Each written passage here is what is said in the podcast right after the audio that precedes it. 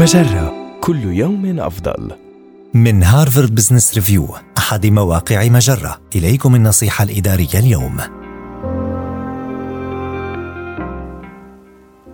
نصيحة للآباء والأمهات العاملين. اجعلوا جدول مواعيدكم يعكس قيمكم.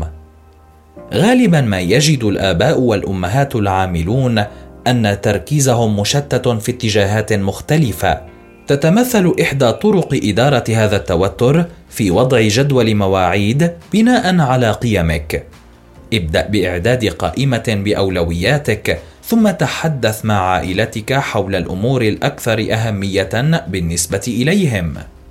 على سبيل المثال، ربما لا يمانع ابنك في ذهابك إلى العمل قبل استيقاظه من النوم، لكن قد يعني له الكثير إذا غادرت مكان العمل في الوقت المحدد لمشاهدته في مسرح المدرسة.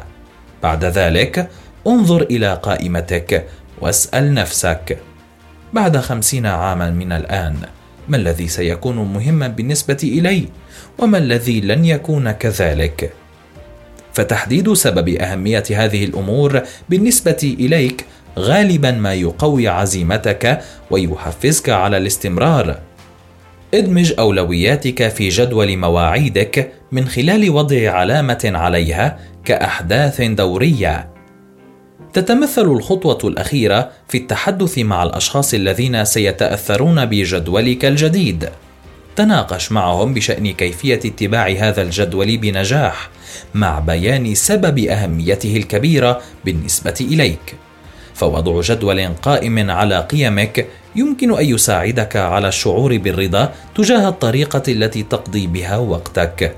بدلا من الشعور بالذنب أو الإحباط لأنك لا تعطي الأولوية للأشخاص والأنشطة الأهم بالنسبة إليك.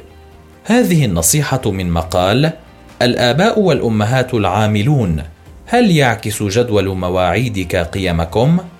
النصيحة الإدارية تأتيكم من هارفارد بزنس ريفيو أحد مواقع مجرة مصدرك الأول لأفضل محتوى عربي على الإنترنت مجرة كل يوم أفضل.